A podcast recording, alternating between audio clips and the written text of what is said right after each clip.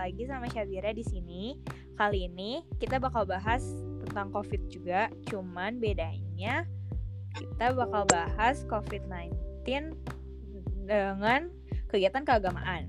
Sejak virus corona melanda dan sudah lebih dari satu tahun ini, berbagai kegiatan keagamaan untuk sementara ditiadakan atau hanya dilakukan dari rumah saja. Beberapa kota yang masih dalam zona hijau atau minim penyebaran COVID-19 melaksanakan kegiatan keagamaan di tempat ibadah, tetapi tetap memperhatikan kebersihan, protokol kesehatan, dan tetap menjaga jarak. Kali ini Syabira juga nggak sendiri. Ada Zulfa sama Vici.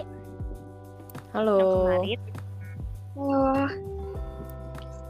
Terus ditambah sekarang ada Yemima dan Hakim. Halo. Halo. Nah, aku mau nanya nih sama kalian berempat, gimana sih pendapat kalian tentang kebijakan pemerintah yang meniadakan kegiatan beribadah bersama secara sementara demi mencegah penularan COVID-19? Hmm, dengan adanya kebijakan seperti ini, tentunya pasti akan menuai banyak kontroversi ya dari berbagai pihak. Ada yang pro maupun yang kontra terhadap hal ini. Menurut saya, kembali lagi terhadap pemerintah yang kalau mau memperlakukan kebijakan ini terhadap suatu daerah, maka mereka harus benar-benar melihat kondisi daerah tersebut. Jika suatu daerah masih berstatus dalam zona hijau, maka menurut aku rasa kebijakan ini tidak perlu diberlakukan terhadap daerah tersebut. Namun dengan catatan, kalau seluruh masyarakat ingin melakukan kegiatan beribadah di tempat ibadah masing-masing, mereka harus memperhatikan dan melaksanakan protokol kesehatan. Lain halnya jika daerah tersebut telah dinyatakan berstatus dalam zona kuning, oranye, merah, maupun hitam. Maka pemerintah harus dengan tegas memperlakukan kebijakan ini dan masyarakat yang ada di sana mau tidak mau harus setuju dengan putusan yang telah diambil oleh pemerintah. Nah, apa yang disampaikan sama Yemima tuh benar banget. Selama itu dilakukan untuk kebaikan bersama ya, maka aku tuh bakal ngikutin dan setuju dengan peraturan tersebut. Karena aku tuh yakin bahwa pemerintah telah memutuskan tentang suatu hal, maka pasti mereka tuh telah mikirin apa saja dampak yang eh, ditimbulkan jika mereka ngambil keputusan tersebut. Hmm, jadi selama pemerintah memperhatikan kondisi daerah tersebut, uh, harus diberlakukan kebijakan tersebut atau tidaknya tuh tergantung daerah ya. Jadi kalian berdua setuju aja dong ya. Nah, Tadi kan tentang kegiatan beribadah. Gimana kalau misalnya kebijakan ini juga berlaku pada saat hari raya dari keenam agama yang ada di Indonesia? Bagaimana pendapat kalian tentang hal ini? Aku mau denger dong pendapatnya Hakim sama Vici. Kalau menurut aku ini ya, Hari raya tetap bisa berlangsung dengan hikmat meskipun antar keluarga sedang berjauh-jauhan atau nggak bisa bertemu dikarenakan adanya kebijakan ini. Dengan adanya kebijakan ini, bukan berarti kita tidak bisa melakukan hari raya, namun mungkin rasanya akan beda dengan tahun-tahun sebelumnya. Ya, aku uh, setuju ya sama yang dibilang Hakim barusan itu. Meskipun kita nggak ketemu, kita tuh masih bisa ngakalin gitu loh. Uh, contohnya dengan menggunakan video call untuk tetap muka secara online pas hari raya. Uh, bukan cuma itu aja, kita juga bisa ngasih hadiah sebenarnya lebih gampang ya karena bisa ngirim lewat ekspedisi gitu. Terus uh, kan karena ngirimnya lewat ekspedisi mungkin pas kita nerima kiriman itu juga ada kesan tersendiri gitu kan kayak uh, lebih surprise gitu jadi lebih berbeda dengan diberikan secara langsung gitu.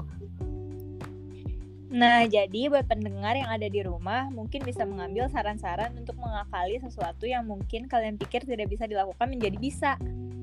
Untuk menyiasati kebijakan ini, menurut kalian apa kegiatan yang bermanfaat bagi orang lain yang bisa dilakukan selama pandemi selain beribadah dari rumah? Apa aja sih?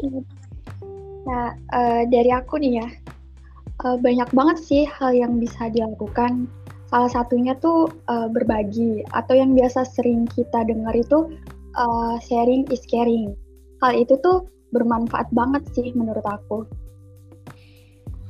Hmm, kalau menurut aku nih ya, yang dilakukan bersama keluarga itu sudah bermanfaat, sekalipun itu cuma berbincang-bincang sama keluarga. Tapi itu sudah ada kesan tersendiri. Belum lagi jika para orang tua memberikan nasihat mereka kepada anak-anaknya tentang kehidupan. Uh, kalau menurut aku sih ya, uh, kita tuh sebagai belajar tuh pelajar banyak kegiatan yang bisa kita lakukan seperti uh, ikut seminar online untuk menambah ilmu, bisa mendalami hobi juga, workout, terus bisa ikut virtual volunteer juga gitu. Hmm ya, aku mau nambahin juga nih. Menurut aku, kita juga bisa membuka donasi yang nantinya akan disalurkan bagi mereka tuh yang benar-benar membutuhkan. Salah satunya misalnya contoh panti asuhan. Kira-kira kalau kalian berempat digabungkan dalam satu kelompok dan ditugaskan untuk melakukan kegiatan tersebut, kalian akan memilih kegiatan seperti apa sih? Hmm, kalau saya pribadi sih lebih senang melakukan kegiatan amal. Jadi mungkin saya akan melakukan kegiatan berbagi atau mungkin melakukan kegiatan donasi yang tentunya akan sangat bermanfaat bagi orang lain. Iya betul tuh, apalagi uh, sekarang itu udah banyak ya ada platform yang bisa kita pakai untuk kegiatan donasi. E, contohnya itu kita bisa melalui kita bisa itu kita dapat membuka donasi tapi bukan cuman kita berempat kita bisa e, ngajak seluruh orang di Indonesia yang untuk memberi kesempatan e, untuk ikut berbagi donasi yang kita kumpulin itu juga bisa langsung diteruskan kepada target yang target yang sudah kita tentukan gitu. Ya, melalui kegiatan berbagi, kita juga bisa mendapat makna hidup bahwa semua orang harus saling tolong-menolong. Karena pada dasarnya, manusia merupakan makhluk sosial yang artinya kita tidak bisa hidup sendiri tanpa adanya bantuan dari orang lain. Dan juga dengan membuka donasi, maka pasti akan tumbuh gitu rasa bersyukur. Bersyukur masih bisa berdonasi untuk orang-orang yang membutuhkan, bersyukur menghabiskan apa yang kita punya tuh dengan hal-hal yang setidaknya berguna. Nah, dari aku sih nggak jauh beda ya sama mereka bertiga. Jadi apa yang mereka bertiga sampaikan itu udah ngewakilin banget gitu loh. Yang pastinya uh, kita tuh uh, membantu orang yang kesulitan tanpa memandang seorang. Hmm, intinya kalian semua pasti akan melakukan ke kebaikan di masa sulit. Ini dong pastinya ya. Nah, kita agak mundur sedikit nih ya aku penasaran banget sama pandangan kalian tentang isu-isu agama yang terjadi sama pandemi ini. Gimana pandangan kalian tentang itu? Hmm, jadi kan kita tahu sendiri ya kalau Indonesia itu agamanya sangat bervariasi, agama, budaya dan cara pandangnya tentu juga berbeda kan ya. Uh, kalau misalnya ada yang mecah belah kita dengan agama itu ya, apalagi di masa yang kayak gini nih, kita tuh harusnya bisa dapat berpikir dengan kepala dingin jangan menyalahkan satu pihak agama. Pasti itu cuma beberapa oknum saja yang jangan nyalahin agamanya gitu. Karena aku yakin tuh ya uh, gak mungkin kan agama itu ngajarin yang jelek-jelek. Pasti itu mereka mengajarkan kebaikan. Jadi tinggal tergantung manusia itu sendiri aja. Nah, apa yang disampaikan uh, Vicky itu benar banget ya. Contohnya kejadian yang belum lama ini nih, uh, adanya bom di sebuah tempat beribadah pastinya kejadian terorisme selalu dianggap mengarah ke satu agama kan, yang padahal belum tentu. Ini juga kita mengetahui lingkungan di mana kita diberi pendidikan mengenai agama. Jangan sampai oknum tersebut itu mengajarkan kita ke arah yang tidak benar. Iya, setuju banget. Terorisme itu harus dicegah dan sangat berbahaya juga kan, bahkan berpengaruh ke perkembangan negara kita ini. Karena pastinya para investor juga akan takut untuk berinvestasi di negara kita. Hmm, oke, okay. terima kasih atas semua pendapatnya.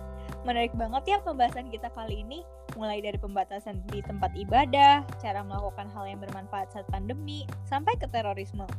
Intinya, kita nggak boleh mudah mengambil kesimpulan dan menyalahkan satu pihak ya. Baik pemerintah dan warganya harus saling bekerja sama. Semoga rencana baik kalian semua dipermudah ya. Sayang banget nih, podcast kita berakhir sampai sini aja. Semoga bermanfaat buat semua pendengar ya. Sampai ketemu di podcast-podcast kita selanjutnya dengan pembahasan lain yang pastinya lebih menarik. Bye-bye. Bye-bye. Bye-bye. Bye-bye.